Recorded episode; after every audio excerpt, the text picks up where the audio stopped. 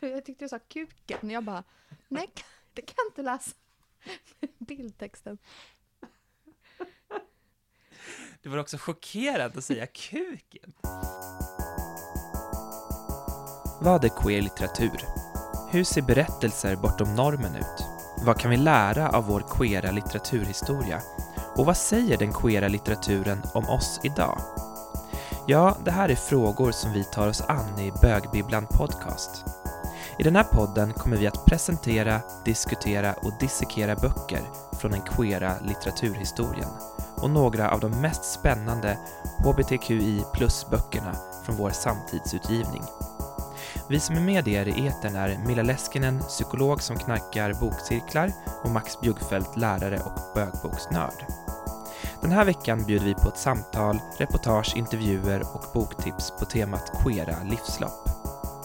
Välkommen till Bögbibblan Podcast, din skeva bokhylla.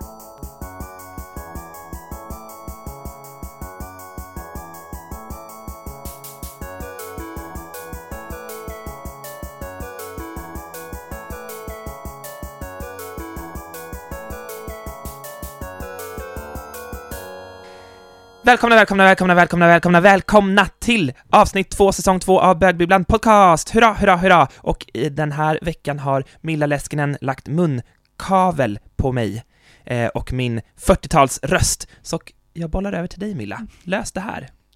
Eh, och vad, anledningen varför jag gjort det, det är för att vi har en helt otrolig ljudsetup. Så jag har liksom hörlurar på, så jag hör Max röst liksom piercing liksom längst in, den liksom skallrar mot liksom insidan av mitt skallben här där vi sitter.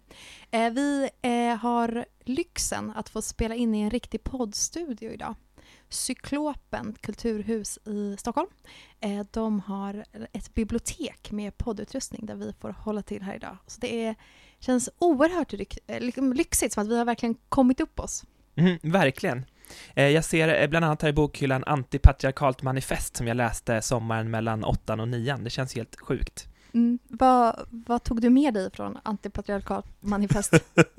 jag vet inte om det var det som gjorde mig till feminist, men eh, vi kan väl låtsas det. Mm. Jag ser också Karl Marx här. Vad har du att säga om det, Milla? Eh, Karl Marx läste jag när jag var 17 på en semesterresa med familjen. Kommunistiska manifestet. Jag är lite osäker på vad jag tog med mig av det, men mm. Klassisk semesterlitteratur. Visst. Du Milla, det är inte första gången du och jag är på Cyklopen tillsammans. Nej. Vi var ju här och eh, arrangerade en fest för exakt sju år sedan. Nästan på dagen. Ja. Och eh, mitt enda minne är att jag frös och var tvungen att vänta på att första pendeln till Uppsala skulle gå. Mm. Jag har typ inga minnen från den här festen. Jag vet inte om det var att det för att det var en sån otroligt lyckad fest, eller vad det nu kan ha varit. Mm. Ja, ja, vi får, eh, om det, om det var någon som var där, december 2014, om ni var på någon fest på Cyklopen, berätta för oss hur det var.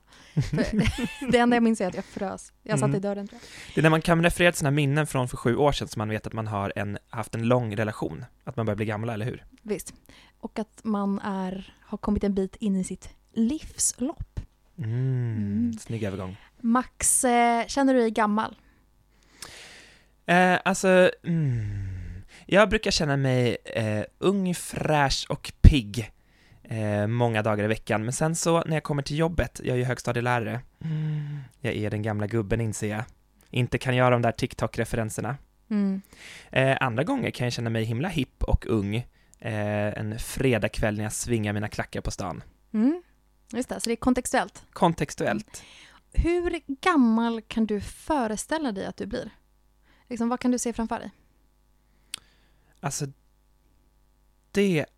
Eh, alltså jag blir så här tyst för att jag tycker det är en så svår fråga och blir alltid...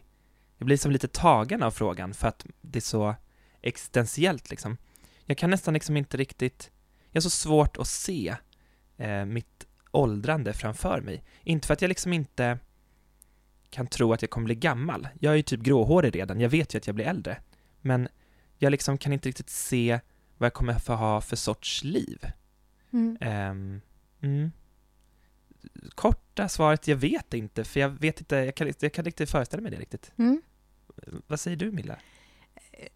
Jag tänker att um, jag har liksom fått jag har lite rynkor runt ögonen. Och det tycker jag liksom hjälper lite grann om jag skulle föreställa mig hur mitt ansikte kommer se ut. Jag kan liksom utgå från dem och bara okej, okay, så som det ser ut här kommer det nog fortsätta se ut. Och sen så tänker jag mycket på min farmors armar. Så tänker jag, ja men just det, så där kommer min hud bli. Så jag har väl ändå som några sådana idéer om liksom om hur min kropp kommer se ut när den åldras. Eh, men det är det. Det är jättesvårt att tänka mig hur liksom, det kommer kännas och, och ja, men se framför mig vilken typ av liv jag ska liksom leva. Eh, precis som du är inne på också. Men eh, en annan fråga jag har till dig det är, har du några minnen av att ha sett fram emot någon särskild ålder? Mm, alltså, jag liksom... Mm, alltså jag har ju liksom sett fram emot eh, jag minns liksom någon slags frihet när jag var yngre, en frihet att få vara den jag är. Jag minns liksom som tonåring, eh, alltså jag har liksom aldrig haft ett komma ut-tillfälle riktigt under min tonårstid, utan det var något som jag liksom vägrade prata om och så fick det bara bli uppenbart. Eh, men då minns jag att, jag att det var så svårt för mig att ta orden i munnen, att jag bara längtade till den tid jag skulle vara fri.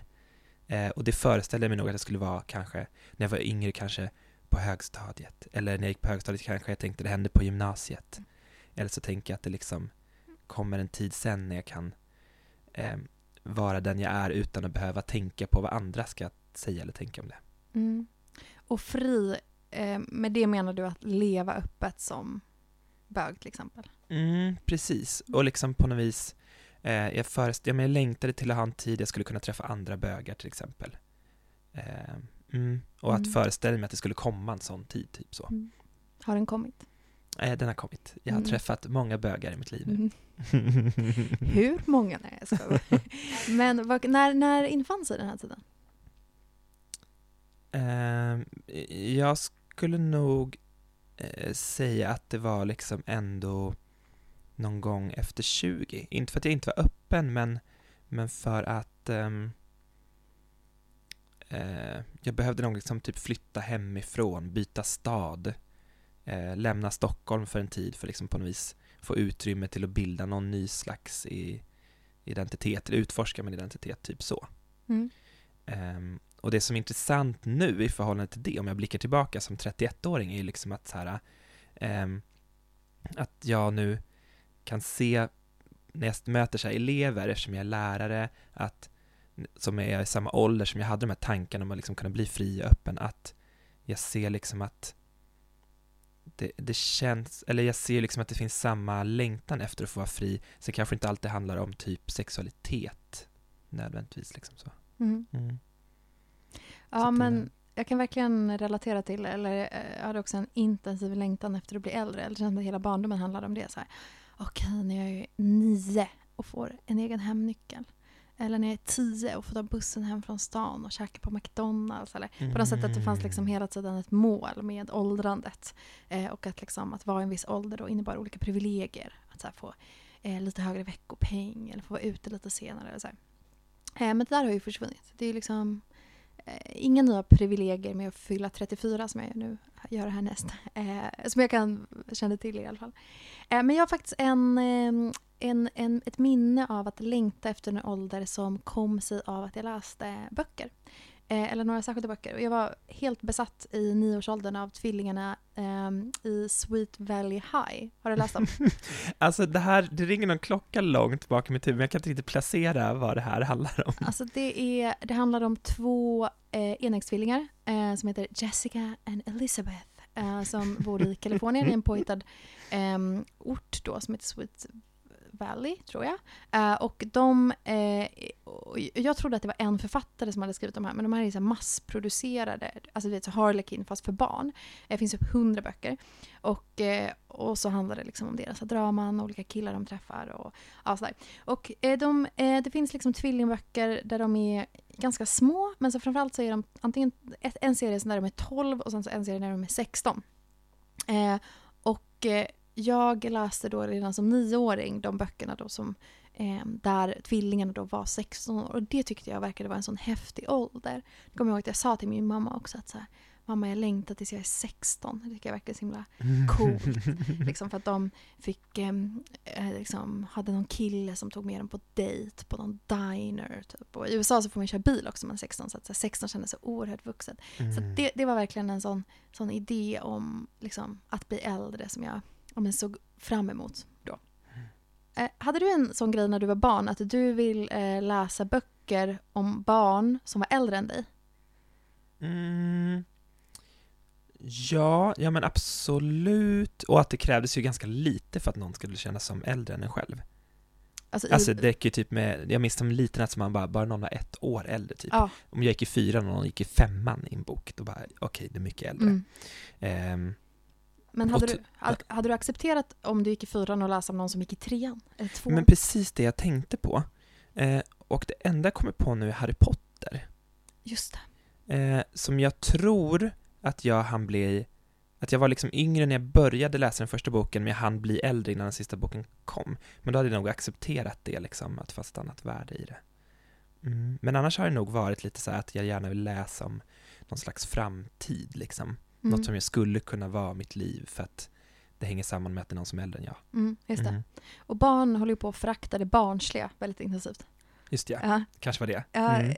tänker. Men hur, vad, vad tänker du nu? Är det liksom viktigt för dig hur gammal en romankaraktär är? Mm, det där är intressant.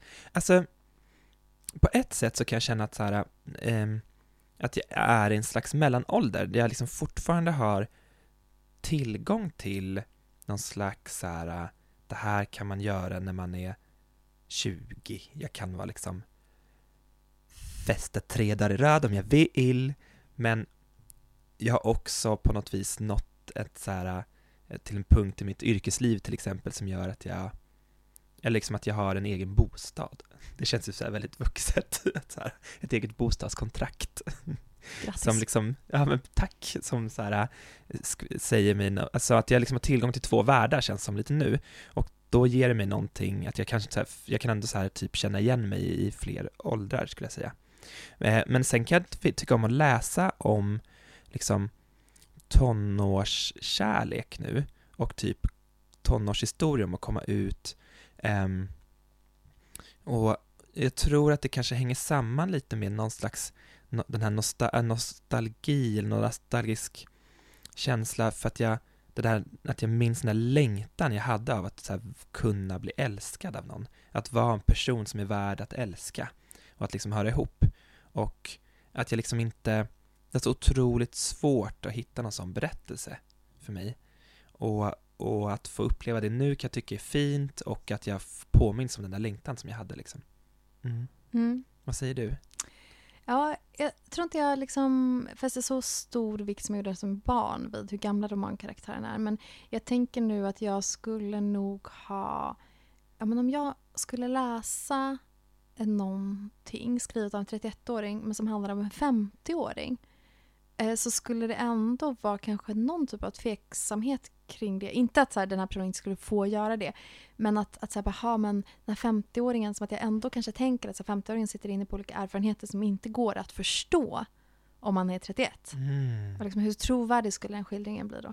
Så jag tänker att om, om jag skulle skriva en bok så skulle det behöva vara en person som var i min ålder, något år äldre eller Mm. yngre. För att jag tänker ändå att det är liksom på något sätt en sån okänd värld att åldras. Mm. Eh, och att jag tänker att det skulle liksom inte bli trovärdigt då. För jag med Mm. mina begränsade erfarenheter ska inte kunna liksom skildra det. Mm.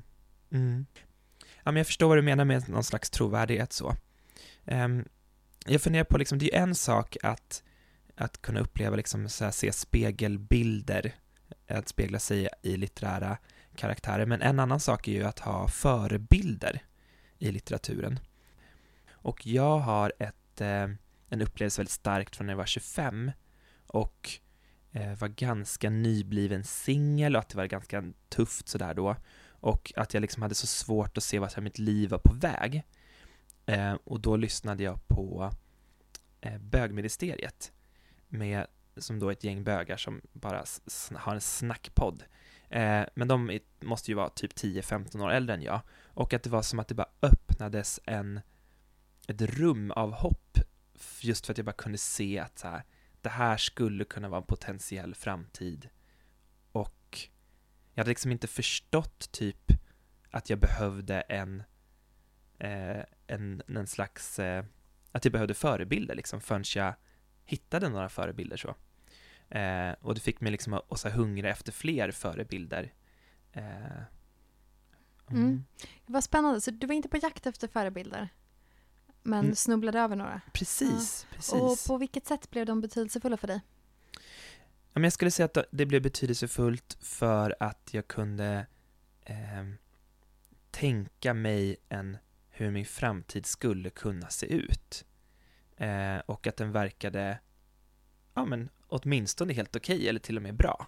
Mm. Eh, och liksom, jag tror att det är jag tror att det är ganska viktigt när man genomgår någon slags så här, övergångar i livet, liksom att man kan tänka sig att så här, ja men nu när många av mina vänner kanske genomgår det här, till exempel får barn, vad är en potentiell framtid för mig om jag inte får barn? Hur skulle den kunna se ut? Um, så att jag tänker liksom att det finns någon sån aspekt i det. Mm. Mm. Så spännande och Eh, tangerar ju verkligen någonting som vi kommer att prata om i det här avsnittet. Uh, för liksom i, i, i det här, alltså ett, ett queert livslopp, vi ska prata alldeles strax om, om vad vi menar med det när vi, när vi pratar om det. Men, um, men jag tänker att det är ett problem att vi saknar bilder av vad som hände sen Eh, som queera personer. Att vi kanske saknar för, liksom just åldrande förebilder. Det är svårt att föreställa sig ett queert liv efter komma ut eller efter kanske den här åldern som vi befinner oss i eller, eller eventuellt är på väg ut ur. Vi får se.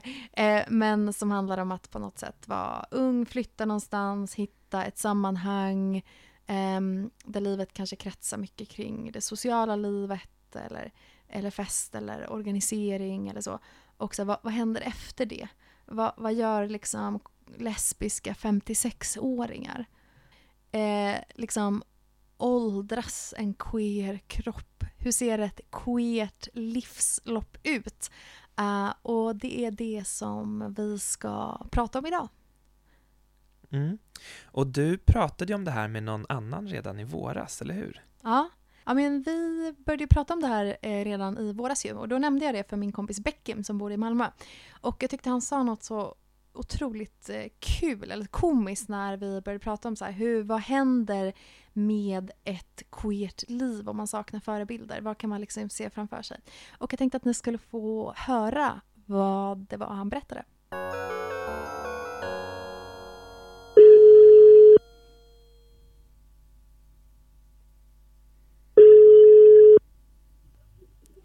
Hallå! Hej Beckim! Hallå! Hej. Hur mår du? Jag mår jättebra. Hur mår du? Jättebra. Har du fått köpa din öl nu? Ja, precis. Nu har jag en öl i handen så att allt är, allt är bra. Nu är du redo för att vara med i vår podd. Ja, precis. Mm. Så himla kul. Du, jag ringer ju dig som du vet för att jag kan inte sluta tänka på den här grejen som du berättade om i våras när vi sågs i Malmö och var och drack öl. Och jag, vi just det, vad var det? vi, det vi pratade om då var just det som är temat för det här avsnittet, queera livslopp. Och jag pratade om så här, ja. hur, hur föreställer man sig livet om man till exempel inte vill ha barn? Och, eh, och så pratade du om det, eh, liksom hur, hur du ser på just din framtid. Det, Ja, vill du berätta? Ja, just det. Jag ska försöka återkoppla här, men uh, ja, just det, vi snackade om det. Ja, men det var lite det här med, med normer. Att man... Eh, alltså normer, nu gör jag situationstecken här som ingen ser, men ordet norm har ju blivit så negativt laddat för att det är så här, att man ska inte följa normer, man ska bryta normer. Men en del av mig kan känna att eh, det är ändå lite skönt. Om man inte riktigt vet vad man vill så finns det en norm. Alltså det finns ett utlagt plan som man kan följa. Liksom plugga, skaffa jobb, hitta någon, skaffa familj, barn. Du vet att man har det upplagt. Just det. Eh, och så har alla gjort det i all tid. Och man kan göra det och ha ett jättebra liv. Men sen som eh, queer eller gay så helt plötsligt är man liksom mer, man har liksom inget, eh, ingen norm att följa direkt. Man kan göra vad man vill och det finns ju liksom, det är ju härligt i sig och det kan vara spännande. Men om man inte riktigt vet vad man vill, eller man kanske vet vad man vill men inte, så har man liksom ingen eh, förebild. Man, man vet liksom inte, ja men så här kan man göra. Just det. Och precis för det du berättade om då, att du hade en rädsla för att du skulle börja samla på dockor. Kommer du ihåg det? ja, just det. Ja, men det var lite det här att... Eh, du, vet, du vet när man var så här 19-20 och tänkte åh, så kul att festa, jag kommer aldrig sluta festa. Ja. Och så blir man 30 plus och tänker att det är inte lika kul längre. Liksom, att man värderar andra saker. Och lite så känner jag nu med barn, att jag säger nej men jag tror inte jag vill det eller så. Och sen tänkte jag mig då att man vaknar när man är 65 och bara sitter där med sin docksamling och liksom ångrar livet och liksom mm. äh, ångrar det beslutet man tog för att man tänkte att då vill jag inte. Just det. Och varför skulle det bli dockor för dig tror du? Jag bara tänkte mest uh, weird, uh, out there scenario. Ja. Man har sett på film den där konstiga gubben som liksom uh, var ensam och inte liksom följde det spåret som alla andra gjorde. Mm. Och, och ångrade det. Men sen hittade han liksom sina frimärken eller dockor som man samlar på. Mm. Så kommer man hem och bara, ja det här är Elisabeth. Och det här är... det... Ja men du förstår vad jag menar, liksom att det är så här... Man går på ett spår som man inte kan förutspå på något sätt. Mm. Jag vet inte. Jag kan se det så tydligt framför mig. Du, 70 år gammal, går och lockar håret på Elisabeth som står i ditt vitrinskåp. ja. ja. Och Katarina, men Katarina får stå på, på byrån här för att hon och Elisabeth är, de är lite osams. Just det. Det, det är det du ser framför dig, som livet som åldrande bög. Ja, underbart. Tack så jättemycket för att du ville dela med dig. ja, tack. Ja. Tack själv. Vad kul att emot, dela med mig den här konstiga historien. Jag ser fram emot att få höra hur det gick om, om 40 år. Vi eh, hörs. Du träffar min docksamling. Ja. ja, det är vi. Ha det så kul med din öl. Ha det bra. Hej då. Tack. Hej. Ja, Max, vad säger du? Kommer du också samla på dockor? Eller kan du känna igen dig? Mm, svårt. Alltså jag tror inte att det blir en docksamlerska, men eh, nog finns det liksom någon slags eh, jag känner en slags dubbelhet inför att bli lite så excentrisk när jag blir äldre. Att det kan vara någonting fint, någonting som jag skulle också tycka är så fett, att man får bara vara sig själv och bada i sina intressen på något vis. Men också kanske någon slags lite så rädsla för ensamhet så. Mm. Mm, just det. Eh, jag kan verkligen se framför mig hur det blir en sån riktigt galen gubbe. ja, precis. Sitter i ditt bibliotek, tvinnar ditt grå hår. Men du kommer inte vara ensam. Nej, du kommer sitta i våningen bredvid min burktelefon. Visst. Mm. Jag hade hört att pojkar gick igenom ett stadium av homosexualitet. Att det stadiet var normalt. Att nästan alla gick igenom det. Alltså måste det vara det jag var inne i. Ett stadium. Ett långvarigt stadium. I sinom tid skulle scenen förändras. Efter det att Toms sovrum försvunnit skulle Vitor Gandhi rulla in, blå band, en leende flicka som öppnade famnen. Men det skulle komma senare. För tillfället kunde jag fortsätta att så länge jag ville se in i Toms blekt lasurblå ögon under ögonbryn som var så blonda att de bara var synliga vid rötterna på båda sidor om näsan. Svaga fläckar som övergick i guld när de glesnade och svepte ut mot tinningarna. En pojkes egen historia. Edmund White 1982. Upptäckten av transvestismen får mig att se bakåt på nytt och studera vissa händelser i mitt liv i ett annat ljus. Mer förklarande. 1962 Höst. Jag är nio år och vi bor i Sundsvall och har gjort en utflykt inåt landet. Skogarna lyser rött och gult när vi bilar genom landskapet med vår gamla svarta Folka. Vi stannar till och dricker varm choklad vid en bro över Indalsälven och jag ställer mig framför mamma, pappa och mina syskon och tittar på den mäktiga bron. Plötsligt hör jag att pappa, och kanske mamma, jag är osäker, skrattar åt mig, åt min kroppshållning och han säger något åt min mamma som jag inte uppfattar men tolkar som att han menar att det är någonting med min kroppshållning. Och det är därför detta minne kommer nu. Jag stod nästan exakt på samma vis som skyltdockan på Drottninggatan gjorde. Mjukt böjd och med stjärten lätt putande åt ena hållet. Som skulle kunna innebära något mer, någonting annat. Något bara vuxna vet någonting om och som jag inte hade några ord för då. Det är ingenting som smärtar. Det gör inte ont. Det är bara någonting jag noterar och som fastnar i mig som ett fragment från det vuxnas värld. Q. Fredrik Ekelund från 2018. What did she want from her life, exactly? Wendy was 30 years old. Her life had kind of never really changed. Sure, she transitioned at 22. She was on her second stint as a hooker, but honestly, her adult life at 30 looked a lot like it had at 19. She worked a lot and drank too much and hung out with her dad. As much as her living stitches had varied, she still lived within the same five square miles she had lived since birth, never south of Corydon or north of Ellis, save that one disastrous year at U of M. Now, this morning, smoking in her fluffy slippers and moon blue nightgown, air snaking into her window, this question turned itself around in her mind. What about the future? Little Fish, Casey Plett, 2018. Det är klart nu. Kommer du? ropar Sara över axeln. Hon lyfter upp stekpannan och vänder sig om och krockar nästan med Ester som ljudlöst glidit in i köket. Hon kväver en impuls att skratta. Vad håller du på med? vill hon fråga igen.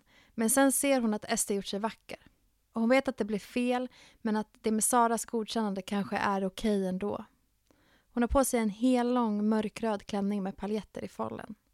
Den är djupt urringad men hennes små påsar till bröst befinner sig långt nedanför platsen som klänningsmodellen avsett för dem. I det tunna, fortfarande lite blöta håret har hon satt upp en kam med pärlkant. Hennes röda läppstift går långt upp på kinden och hon har smetat på enorma mängder mörkblå ögonskugga. Applicerat Parkinson-style. Du ser ut som en liten panda vill Sara säga, men det kommer nog tas fel. Vad vacker du är, säger hon istället och stryker Ester över kinden. Hon spricker upp i ett leende. Nej, jag ser ut som en gatflicka som varit död i hundra år. Men det är ingenting att göra någonting åt. Ska vi äta nu? Allt som är Linn Bursell 2015. Sedan dog Kurt och jag lät Birger flytta in här med mig. Det höll i ganska många år. Det var fint att ha någon. En del vänner hade vi ju också, som kom hit ibland och hälsade på. Vissa såg ju inte ens åt vårt håll förstås, och det fanns en butik inne i Löttorp som vägrade betjäna oss. Det tisslades och tasslades en del, men det gick ju att handla någon annanstans. Vad hände med Birger? frågade Anna. Vill inte trampa på en öm tå och riskera att han slutade att berätta. Men måste få veta mer. Vår relation tog slut, svarade Douglas. Jag minns inte exakt när, men vi hade fyllt 50 båda två. Då hade vi nämligen en stor fest. Jag tror att han var ledsen ibland för att vi inte haft möjligheten att skaffa barn. Många vi kände hade börjat få barnbarn. Det tyngde honom. Och som man, du vet, är det inte omöjligt att bli far efter 50. Fast jag vet inte om det blev något.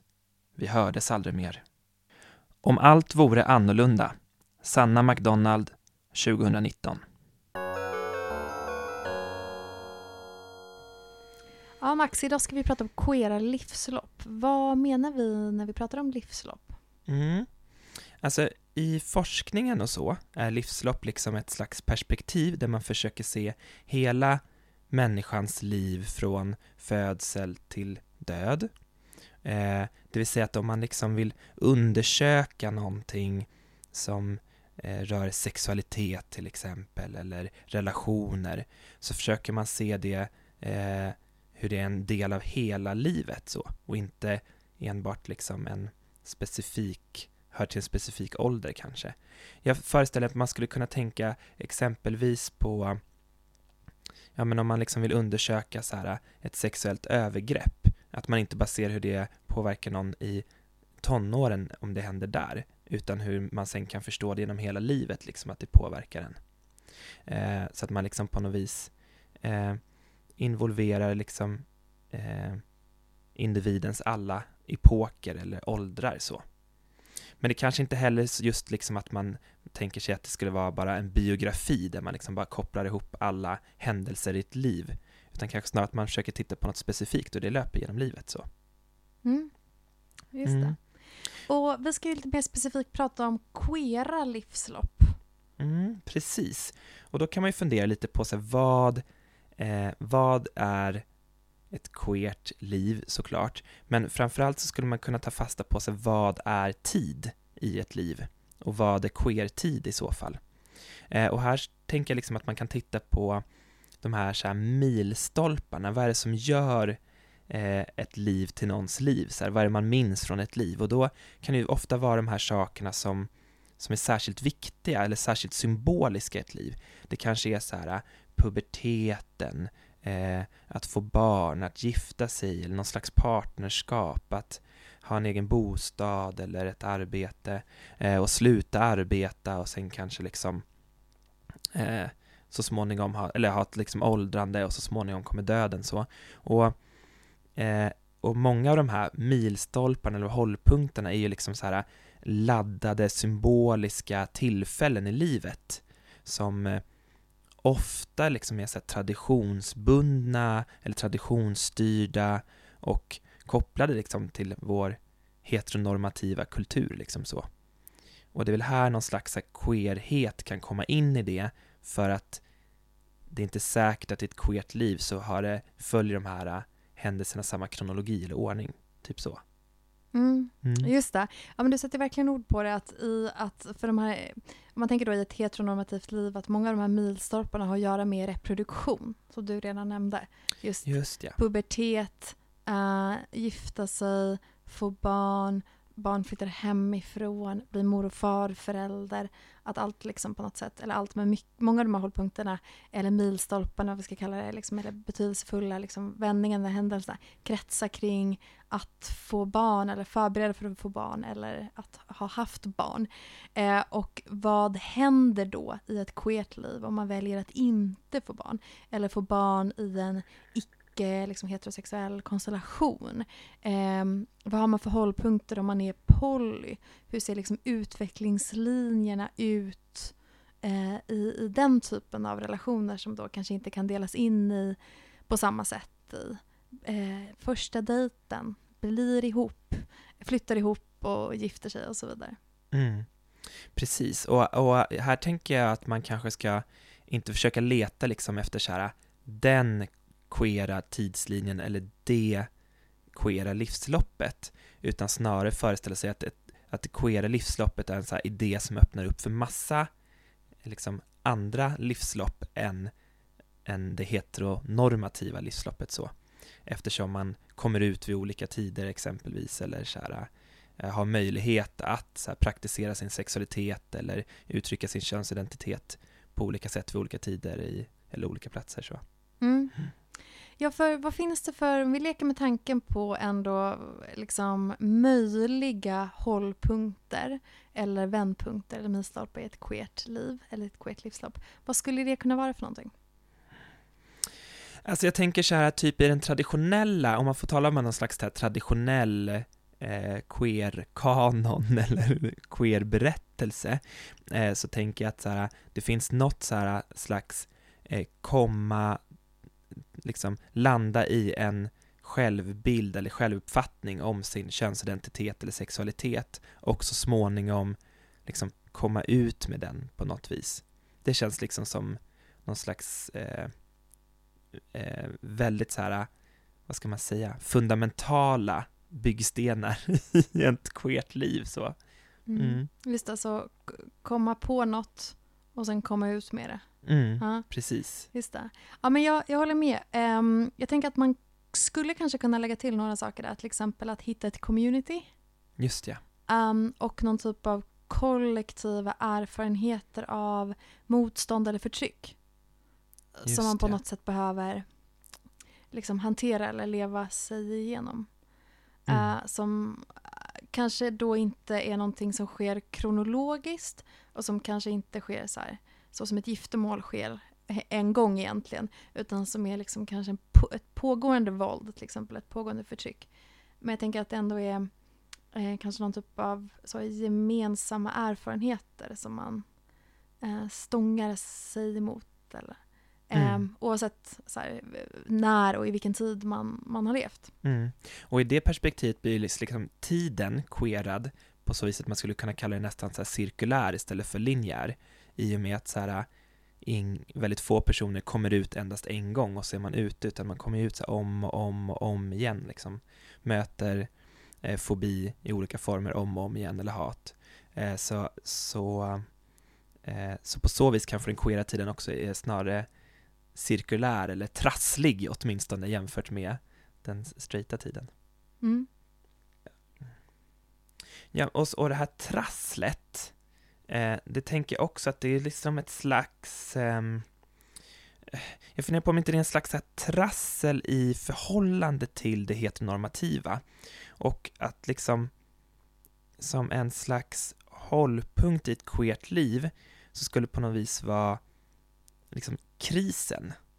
Att man liksom på något vis som queer person står inför en så ständigt återkommande eh, någon slags här återkommande akutkris där man ska liksom ta ställning till eh, det som är för givet taget eller som, som straighta liv kan ta för givet eh, som de bara kan räkna med och som man liksom som, som queer person hela tiden måste fråga sig så här vill jag uppnå det här och vad är jag beredd att offra eller göra för att uppnå det? Eller kanske till och med hur mycket av mitt mina liksom drivkrafter, min motivation, det jag vill i livet är jag beredd, beredd på att offra för att få ingå i, i samhället eller i kollektivet liksom så. Alltså att det, och det har att göra med liksom barnalstrande och hur man ska bo, hur man ska ha sina relationer och, och liksom hur länge man får vara ung till exempel eller, eller sådana saker. Mm. Mm. Okej, så krisen som en sån hållpunkt. Mm. Det låter ju dystert. Ja, Mm. men kanske också på något vis, ehm, alltså, utan, alltså, eh, jag tänker så här, bara för att man inte är heterosexuell så kanske man inte nödvändigtvis har ett queert liv, så. Eh, och, och på något vis är det ju det som kanske är ett queert liv, att det är i, i konflikt eller kris. För något som inte på något vis är normbrytande behöver inte vara i konflikt eller kris, liksom så. Då är man ju, då är man liksom insläppt i samhället och på insidan. Och då kanske man liksom lite upphört som queert subjekt liksom, eller, Mm. eller så. Just det. Man kan ju vara, tänker jag, en glad bög och bara ingå liksom i det heteronormativa liksom, spelet i många av- avseenden, tänker jag. Mm. Just det, precis så att det finns liksom vissa queera personer som inte behöver leva queera liv eh, utifrån så här, den definitionen du precis sa. Att man är liksom på något sätt i, eh, med, i motvalls med, med samhället. Mm. Utan det finns personer som då eh, kanske skulle kunna på ett sätt liksom ses som queera men som lever väldigt normiga liv. Mm. Och, och, och jag menar, man, det är ju inte som att så här, queer är ett, så här, en, ett, en, en status man har hela livet, ett stadium eller så, utan det kan ju vara liksom queera, queera, queer, ett queert liv uppstår ju om och om igen på något vis, eh, när det sker. Eh, när krisen kommer på något vis, det är då det queera blir synligt. Men, men man kan ju ha liksom massa delar i sitt liv som är supernormativt och så kommer de där kriserna någon gång när man måste på något vis här, kanske komma ut eller så. Mm. Just det. och ingen är kanske helt i queer kris hela tiden. Man kanske är normig ändå i några aspekter liksom. Just det. Precis, och att de där också kriserna, eller den queerheten också kanske kan bli då mer synlig i, på vissa platser, men också kanske i vissa åldrar. Mm. Där man kanske då särskiljer sig mer från normen. Mm. Ja, eh, jag vet att du också är nyfiken på att prata om vad som gör ett queert liv respektabelt. Just det, alltså, och det är ju så intressant liksom vad... Alltså det är liksom intressant i, uh, i, i takt med liksom att queer, queer, queera rörelser eh, vinner mark på något vis, blir insläppta på insidan. Eh, och liksom vilk, vad, hur uppfattas man som respektabel i majoritetssamhällets ögon? Eh, och vad krävs då liksom för att vara den respektabla bögen eller respektabla flatan eller transpersonen till exempel. Jag tänker bara som på vår regering som vi har nu, där vi liksom har en transperson som skolminister. Hur mer, alltså det är väl superrespektabelt att vara skolminister, tänker jag liksom så. De har ju verkligen kommit in på insidan. Eh, men det är liksom inget som man kanske som queer-person kan ta för givet. Eh, har du några idéer om vad det skulle kunna vara då, för, förutom att bli skolminister? Att leva ett respektabelt queert liv? Ja, men det respektabla, det tänker jag handlar om att så här, man i så många aspekter av sitt liv kan på något vis uppfylla samhällets behov av eh, men vad ska man säga, någon slags så här, att man är en produktiv medborgare som så här, bidrar till samhället. Att man till exempel inte är bara, inom citationstecken, en partybög, för det är för själviskt liksom. Eller att man har för många relationer, eller liksom att man inte felar på för många sätt. Och där blir ju kraven högre för, krav, eh, för, för queer-personer än för eh, straighta. Liksom. Straighta kan ju också vara orespektabla mm. eh, och på utsidan, men det liksom är ribban är lagd högre för queera personer, precis som för många andra liksom, minoritetsgrupper. Så. Just det, precis. Eh, för jag tänker då på när du säger liksom ordet respektabel på sex, jag vet inte om det var meningen att jag skulle tänka på det, men jag började fundera på det. Jag tänker på typ att det finns så många olika sexuella praktiker som då inte skulle vara respektabla, tänker jag.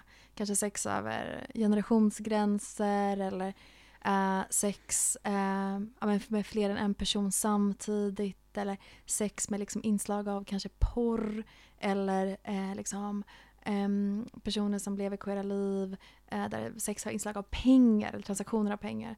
Och att um, jag tror precis som du säger att om man är en men om man är till exempel då en, en monogam gift bög som har ett ordentligt jobb så är det ganska många som ändå tänker att man skulle kunna leva ett respektabelt liv. Men om man däremot, liksom, ja, men just som du är inne på, organiserar sina relationer eh, på ett annorlunda sätt eller har liksom andra sexuella praktiker så är man plötsligt eh, väldigt långt ifrån att leva ett respektabelt liv. Mm. Inom akademin kallad The Charmed Circle av Gail Rubin. Berätta mer. Eh, det är en idé liksom om hur man kan, vad som definieras som respektabelt och inte av när det kommer till sex av, av sam samhället och i princip det, det du beskriver. Mm. Nice, härligt att man vann en akademisk poäng. Mm, bra jobbat, det är för att du är så smart. Blev det en högskolepoäng till mig? Mm, varsågod, guldstjärna får du också. Mm. Men du, framförallt den kanske mest brännande frågan här. Varför är det så viktigt för oss att eh, undersöka queera livslopp? Uh, men jag tror precis som när jag var nio och dagdrömde om att vara 16 och bli utbjuden på diner av någon kille som kanske hette Todd och som kom i någon bil eh, och liksom hämtade mig och bjöd mig på burgare. Eh, så, så liksom behöver vi dagdrömmar. Och vi behöver förebilder, vi behöver kunna föreställa oss en framtid som liksom sträcker sig eh, långt framför oss. Och vi behöver på något sätt kunna välja mellan olika typer av framtider eh, och kunna liksom ställa dem mot varandra för att kunna välja på något sätt eh, vår egen väg i det där. Eh, och i det tror jag att vi behöver eh, dels queera Eh, äldre förebilder men vi behöver också ha föreställningar om queera liv som liksom inte tar slut vid 35. Utan ett så queera liv som sträcker sig långt fram och in i framtiden som är eh, krokiga och krångliga och trassliga kanske men också som löper på eh, på helt andra sätt eh, för att just kunna kanske spegla oss själva i dem och för att kunna hjälpa oss att fatta liksom, beslut i våra egna liv. Så bra formulerat Milla. Och nu så tänker jag att vi ska bege oss till Skogskyrkogården.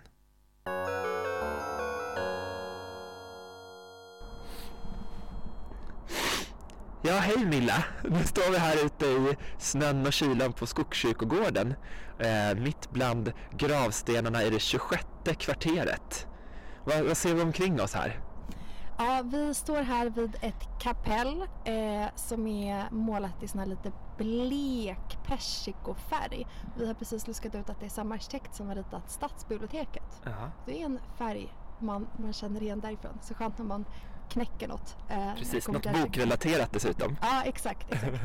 Allt hänger samman. Ja. Arkitekturen, döden och den här platsen. Ja. Ja, nej precis. Så vi står här och spelar in, dricker lite havre, eh, från, från termos och fryser ganska mycket om fötterna. Okej, det är en väldigt fin plats att, att, att vara på. Man hör liksom staden, stadsljuden i, i fjärran men det liksom känns som en egen, egen miljö eller eget universum här under så här tallskogen och de här 20 000 gravstenarna eller vad det är, 100 000 gravstenar tror jag att det är på den här kyrkogården. Precis, så för er som inte känner till så är Skogskyrkogården en kyrkogård i södra Stockholm. Där precis som Max sa är 100 000 människor begravda. Det är en helt svindlande siffra. Eh, och eh, det är också ett eh, världsarv enligt Unesco. Och du skrev ju ett specialarbete om det här när du gick på gymnasiet. Hon gick på gymnasiet. Tydligen så är det för eh, att det blir ett världsarv för hur arkitekturen och landskapet är eh, sammanlänkat eller sammanvävt på ett väldigt speciellt sätt. Eh, men vi är inte här för att gå i gymnasiet Max fotspår utan varför är vi här? Jo, vi är ju nu i det här 26 gravkvarteret där Birgitta Stenberg ligger begravd. Och vem var Birgitta Stenberg? Ja, Birgitta Ber- Stenberg var en svensk författare, översättare, illustratör, tolk, eh, vänsterpartist. Jag har gjort en snabb Wikipedia-search på henne. Eh, hon var också sekreterare i något organ som var finansierat av CIA. Eh, jättekonstigt. Jag måste liksom luska vidare här. Det kanske blir ett Birgitta Stenberg-avsnitt sen. Men framförallt så är hon ju känd som en författare. Har skrivit till exempel en bok som heter Kärlek i Europa. Eh, en eh, fantastisk bok tycker jag. Mm. Och hon eh, gick ju bort 2014, eller hur? Eh, hur mycket hann hon skriva eh, under sitt liv? Ja men ganska mycket. Eh, Hon har ju skrivit sedan 50-talet eh, Mm. men skulle vi säga liksom slog igenom folkligt liksom fram mot slutet av sitt Mm. liv. Hon blev ju till exempel känd liksom för en lite större publik 2009 för att hon hade något utspel om hasch. Jag tror hon ville avkriminalisera det. Det här är återigen svag, svaga källor Ja. Och, och vad är det, om man tänker hon har levt ett liv i skrivandets tecken, eh, och, som du sa, med både som tolk och översättare och skrivit egna romaner och noveller faktiskt. Vad, om du skulle vilja plocka ut någonting från hennes stora textproduktion, vad skulle du vilja berätta om då? Mm. Ja, men den självbiografiska trilogin där Kärlek Europa eh, eh, ingår. För jag tycker att det är en sån fantastisk eh, liksom, berättelse om Europa, om att vara ung och Europa är en väldigt spännande tid. Så det är Birgitta Stenberg som reser runt då i, eh, i ruinerna av Europa efter andra världskrigets slut. Eh, så slutet av 40-talet, början av 50-talet. Själv tonåring och hon är med om liksom helt eh, otroligt liksom, knäppa och, och sjuka saker. Men det är som att hon eh, bara letar efter berättelser. Så hon, hon, hon förstår att så här, för att kunna bli en skrivande person så måste jag leva. För att kunna leva så måste jag uppleva. Så det är som att allt som händer henne dåligt, bra, eh, har liksom ett värde i att hon sen kommer kunna skriva om det. Alltså hon utsätter sig själv också för ja, men ganska liksom farliga situationer. Men det är eh, så här, otroligt liksom fascinerande hur liksom hennes drivkraft och liksom längtan efter att eh, hela tiden försöka få skriva men också hennes tvivel med att eh, här, ja, sin förmåga och, och eh, liksom hur, hur hon ska hantera då att liksom omvärlden inte tar emot henne på, på det sätt hon liksom önskar. Mm. Jag har inte läst så mycket av henne men jag har fått en bild av att hon liksom, eh, vad ska man säga, tar självklar plats i sina texter och med sina texter under sin samtid så. Eh, Hur liksom, vet du något om hur det togs emot eller hur det uppfattades då? Eh, jag vet ganska lite eh, liksom, hur det faktiskt såg ut men eh, enligt liksom, de här självbiografierna då, så var det att hon eh, skickade in eh, liksom, noveller eller dikter som liksom, inte antogs eller så. Så att hon liksom, försökte hårt att bli liksom, en erkänd författare väldigt, väldigt ung. Men lyckades i alla fall inte direkt eh, som 17-åring. Mm -mm. Men tack Milla, då har vi fått eh, lära känna Birgitta Stenberg lite. Ehm, det här avsnittet handlar ju om queera livslopp och döden kan man ju säga är som det sista sista stationen på det queera livsloppet. Så. Vad tänker du kring att vi har valt att åka hit till Skogskyrkogården och vara just här nu? Ja, men jag tyckte det kändes spännande att liksom täcka på något sätt hela eh, livsloppet. Jag tänker att det finns ju en ganska stor upptagenhet vid ungdomen eh, när det kommer till queerhet och i, queerlitteratur. Eller att vissa åldrar är liksom mer beskrivna än andra. Eh, men att eh, jag har läst väldigt lite om döden. Liksom, vad är en queer död? Finns det någon sådan? Hur och var och på vilket sätt begravs queera personer? Hur har det sett ut historiskt och hur, hur ser det ut nu? Ja, det kändes spännande att i alla fall besöka en queer person som har eh, mm. lämnat oss. Ja, och det är någonting speciellt tänker jag med eh, i, i den, de olika queera rörelserna att vi har så olika ikoner som vi ja, som är viktiga för den queera historieskrivningen och, och fundera på vilka är det som är i den svenska historieskrivningen och, och var, var finns de? För det är något speciellt att liksom komma till någons grav. Man är ju på något vis närvarande eller lite kontakt med den mm. personen eller det livsödet då. Så. Ja, det känns väldigt privat tyckte jag. Det tänkte jag på när vi kom till Birgitta Stenbergs grav. Att så här, får vi, vi hade ju aldrig åkt hem till henne och plingat på mm. uh, om hon hade levt. Men hennes grav får vem som helst besöka. Den går att liksom söka upp på Stockholms stads hemsida.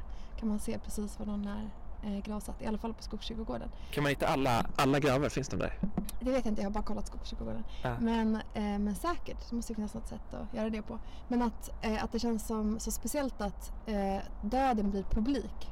Att så här, eller den sista viloplatsen, en plats som finns mitt i staden som vem som helst får besöka. Mm. Mm. Det är liksom inte, alltså döden tänker jag också är någonting som kan se ganska olika ut och man kan bli begravd på ganska olika sätt. Antingen kremerad eller jordfäst eller anonymt i en minneslund till exempel. Vad finns det liksom för queera tankar kring gravplatsen? Jag tänker att, jag vet inte om det svarar på din fråga, men historiskt sett så, eh, och fortfarande på många platser så är det ju så att queera personer eh, gissningsvis inte får begravas där de vill.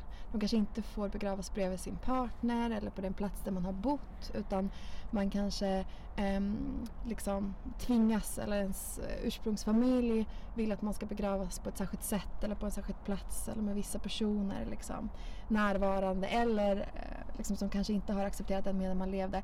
Eh, och, och, på samma sätt, man kanske inte har bjudit in personer som har varit de absolut viktigaste personerna för den här personen under mm. dess liv. Så jag tänker att det är ju en, en typ av liksom tradition som har eh, som liksom den som själv har dött har väldigt lite bestämmande rätt över.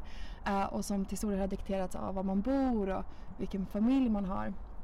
Eh, och vad man har för relationer till dem. Eh, så det blir ju... Eh, man kan ju tänka sig att det är på något sätt en, en plats där många har behövt kompromissa med det man står för. Mm. Eller inte har fått dö eller begravas på det sätt man kanske önskat eller vill. Mm. Föreställer mig. Mm. Och det har man ju sett som ett tydligt tema kring eh, alltså under när aids-epidemin var som värst på 80-90-talen. Eh, hur många inte fick begravas på det sätt de ville. Och så tänker jag också det här som du säger att man kanske inte kan välja, eller man kanske inte begravs där man kommer ifrån. Den här eh, idén om queera som flyttar till andra platser och, och man då begravs där på den, i det nya livet eller, eller måste återvända till sitt gamla liv för att bli begravd. Mm. Mm. Eh, är vi tillräckligt bra på att hedra de döda, Max? Alltså, jag skulle säga att queer-rörelsen har vissa ikoner vi är väldigt bra på att uppmärksamma. Men jag tänker att det finns också, vi är så besatta av vissa ikoner att vi kanske missar många andra. Till exempel Birgitta Stenberg som kanske många inte känner till. Mm. Det var inga nya blommor vid hennes grav. Just ja. Mm. Var är hennes fans? Precis. Ja, finns det någon, om du tänker på någon, finns det någon grav du skulle vilja besöka, någon queer person, att det skulle betyda något för dig att besöka den graven? Tove Jansson tror jag. Mm. Vet du var hon är begravd? Jag vet faktiskt inte var hon är begravd. Men det tror jag skulle vara speciellt eftersom hon är en sån, eller har varit en sån idol för mig redan när jag var barn. Uh, på något sätt. Den här stora finska författaren. Uh, men jag hoppas hon är strödd i någonstans i Ålands hav. Mm, fint. Finns det någon queer-persons grav som du skulle vilja besöka?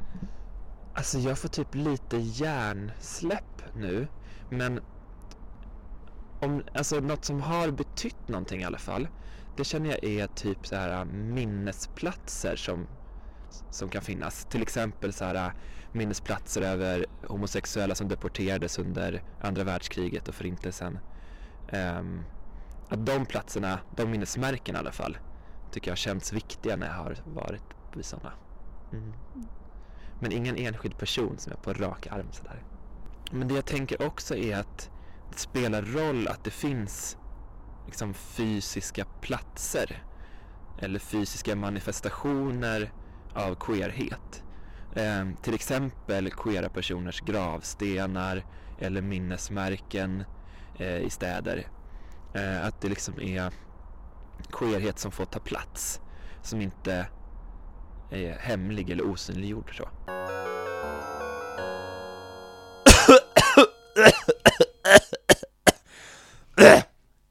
Maxe, ge inte våra lyssnare PTSD. Det är fortfarande pandemi. Gud, jag är så trasslig i halsen efter helgen. Du är... Efter den här utflykten vi gjorde på Skogskyrkogården. Ja, Max, eh, du var i riktigt dåligt skick där när vi möttes upp. Jag betedde mig som en fucking tonåring. Det gjorde du verkligen.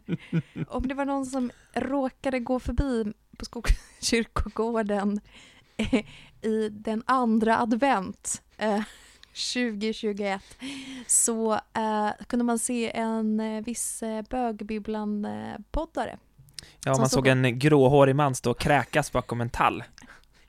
Och, eh, och en eh, kvinna i fuskpäls som stod och garvade bakom ett träd. Ja, oh, jag borde ha smygfilmat dig. Ja, det, var, det hade varit så... sånt bra extra material till den här podden. Men man är så himla ynklig när man kräks och du vet, man så gråter, allt smakar äckligt, mm, man känner sig så dum mm. och du vet, låter som ett djur verkligen. Så jag tänkte att du Jag hade liksom inte ditt godkännande på om jag fick föreviga det här. Nej, det är så synd. Kanske lika bra. Men, men helt otroligt att du tog dig dit fastän du mådde så dåligt. Mm. För att du var så bakis. Mm, det var fruktansvärt. Mm. Eh, men vad gör man för konsten? Jag vill bara innan vi släpper den här lilla tråden kring bakfylla säga att det var utanför Skogskyrkogården. Just det. Så att ifall någon var... förfärad, jag har inte kräkts på ett världsarv. Eller en kyrkogård. Väldigt nära ett världsarv. Mm. Dina kräkångor mm. har blåst in över ett världsarv. Mm. Ja. Men du, queer litteratur ska vi prata om. Och jag tänker att det finns vissa delar av livet um, när det kommer till liksom det queera livet eller queera livsloppet som är ja, men relativt väldokumenterade ändå. Uh, till exempel ungdomen, kanske barndomen i viss utsträckning, liksom retrospektivt som ett sätt att förstå vem man är idag eller var man är idag. Uh, men också ung vuxen ålder. Uh, men sen finns det inte alls särskilt många verk som skildrar det som händer efter det. Alltså queera medelålders personer eller queera eh, äldre personer.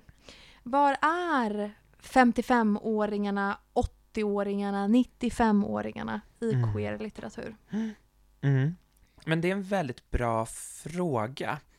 Eh, jag önskar jag kunde liksom säga så här, ja men det här är romanen om ålderdomshemmet hbtqi ålderdomshemmet på så här äh, spanska solkusten där ett gäng åldringar liksom hittar på hyss. Men jag kan liksom inte komma på det. Det enda jag kan komma på är några så här romaner som omfattar ett helt liv från födsel till död. Där finns liksom queert åldrande med, men jag har liksom annars inte något rakt svar på din fråga. Mm, och exempel på eh, några sådana romaner om liksom hela queera liv som jag kan komma på. Det är framförallt eh, Hjärtats osynliga raseri av John Boynes, som är en fantastisk roman som tar sitt början på Irland, eh, sju år före det att huvudpersonen föds. Och sen eh, följ, varje kapitel är så var sjunde år i hans liv. Och som slutar då, eh, om det är när han dör eller sju år efter hans död. Och det liksom omfattar ett helt liv som en ganska fin skildring av ett queert åldrande så. Eh, och sen såklart Ett litet liv av Hanya Yanagihara, som ju typ hälften som läst den älskar och andra hälften avskyr. Men det är ju verkligen ett queert liv också, tänker jag, Mm, i många aspekter. just det. Mm. Och en annan stark genre inom queerlitteraturen är ju biografin. Mm, Här har jag väldigt anekdotisk evidens. Eh, min enda bevisföring liksom, är egentligen de nominerade till QX-galans Årets bok förra året. Där var det ju i princip bara biografier som var nominerade. Ja, men det är sant. Det är mycket biografi, tittade på det förut, att det är mycket biografier nominerade. Det är ju lite klurigt det där att säga om det är något queert kring det, för biografier är ju liksom i allmänt väldigt populära. Eh, det är en populär genre så. Um, Men jag tänker ändå att det kanske finns någonting särskilt med den queera biografin i att uh, liksom det queera communityt kanske är bra ändå på att lyfta fram sina representanter. Att så här, om det är en fotbollsspelare som kommer ut som lesbisk så blir liksom det queera communityt glada för det, uppskattar det eh, och vill liksom peppa den personen. Och då kanske det faller sig naturligt att så här, biografi är en del av det liksom utbytet mellan publik och kändis, Mm. tänker jag. Ja, just det. Men eh, just det, så då kanske det egentligen inte är att biografin har en särställning då inom queerlitteraturen, utan det är att biografien eh, eller biografier är stora i allmänhet och det liksom läcker in då när det, i den, queera litteraturen. Eh, men, och jag tänker att det finns ju dels de här biografierna om nu levande eh, liksom kändisar. Och där kanske lite mer så här kändiskult, tänker jag. Att man liksom bygger sitt varumärke nu. Mm, just det. Eh, men sen finns det ju också kanske det här behovet av att kunna spegla sig i historiska queera personer. Mm. Av att kunna skriva sin queer-historia. Att så här, vi har funnits, vi har levat i alla tider, vår historia måste berättas. Och i den traditionen, eh, jag tänker på såklart eh, Fatima Bremers eh, bok om Ester Blenda Nordström eller kanske de här biografierna som finns om Tove Jansson, även om hon såklart är en väldigt, väldigt omskriven person. Som, Mm. Hon behöver ju inte plockas fram ur det fördolda så som man har behövt göra med Ester Blenda Nordström. Men att det handlar om att just liksom skriva en så här queera historia. Mm. Och där blir det ju också intressant så här, eller där, där har vi också en fråga att ställa oss, liksom, vem är det som ska skriva fram queerheten i de queera livsödena? Ehm, för exempel då den här Selma Lagerlöf-biografin som kom för två år sedan, där hennes lesbiskhet då skrivs fram i, av ehm, Anna-Karin Palm som är heterosexuell.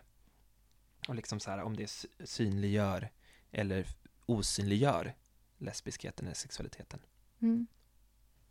Eh, och jag tänker att många av de här, eh, det som blir grejen med, med det här dynamiken, att det antingen är typ kändisar idag som ger ut en geografi om sitt liv nu för att man bygger någon slags branding, det är ju att de är ju inte så gamla då, det är inte liksom det här åldrandet. Eller så har vi att någon eh, skriver om eh, liksom kända personer som är döda, då blir det liksom att man beskriver säkert eh, liksom ett liv som kanske var för länge sedan till exempel. Men ett exempel på en eh, person som dog väldigt gammal, ganska nyligen, är ju Sverker Åström, toppdiplomaten, som kom ut som homosexuell ganska sent i livet och dog vid 95 års ålder här för, ja det är väl snart 10 år sedan. Eh, men hans biografi, tänker jag, nu har inte jag läst den, men är ett så här potentiell liksom åldrande i nutiden, eller samtid, ganska samtiden då. Så.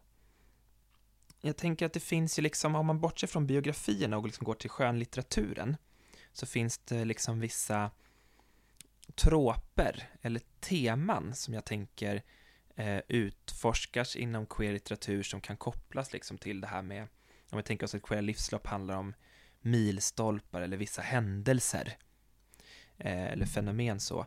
Och då tänker jag till exempel på Peter Pan-syndromet. Känner du till det? Ja, Mm. Känner du igen dig? eh, absolut. Vill du beskriva vad det handlar om? Eh, nej, men det handlar om en eh, ovilja att åldras. Mm. Att vilja liksom stanna upp i en tid eller en fas i sitt liv. Mm. Eh, och att då eh, liksom förneka åldrandet eller på något sätt gå emot det som förväntas av en utifrån sett från ens kronologiska ålder. Mm. Och Ehm, det här temat tänker jag liksom är ju, det är ju starkt liksom inom så här någon slags den queera kulturen. Eh, att man kan se det i många, liksom, och jag tänker föreställer mig att man kan se det i, i olika åldrar också, att det inte liksom bara typ man vill vara forever 21, utan det skulle också kunna vara liksom att man som äldre också kan tänka sig vara så här, forever 45.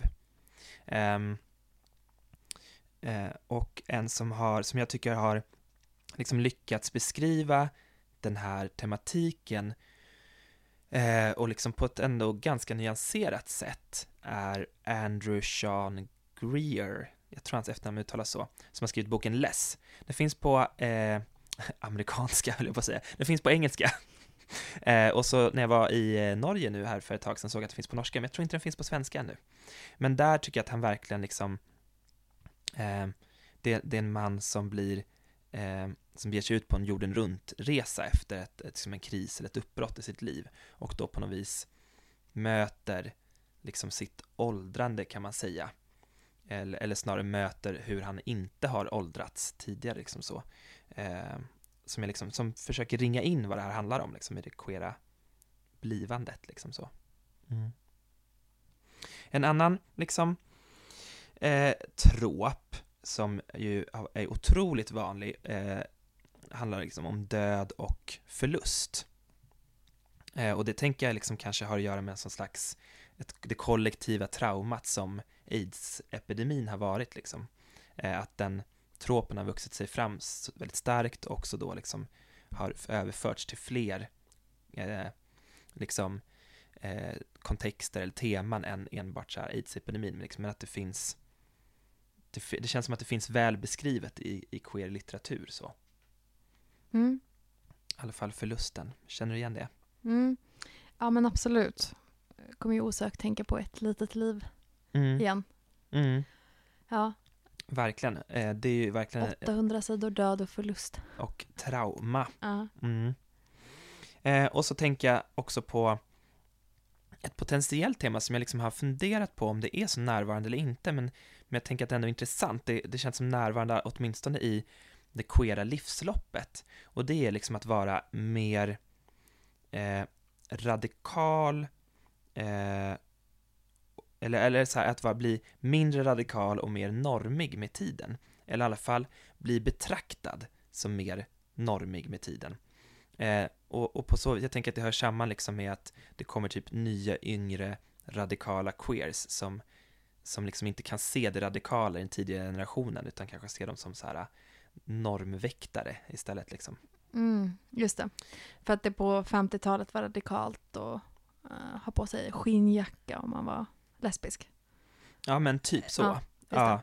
Eh, och Men det nu räcker inte liksom, idag. Nej, men precis. Och nu så här ska man liksom vara kritisk till själva liksom konstruktionen av vad kön och sexualitet är, istället för att liksom förstärka den. Mm, just det. Eh, och här tänker jag liksom att, att det här kanske är ett tema som inte är tillräckligt utforskat än, men det finns ju någon slags här, eh, konflikt, tänker jag, i det så här, den queera rörelserna idag, som, skulle kun, som jag tror skulle behöva utforskas genom litteraturen och kulturen. Mm, just det.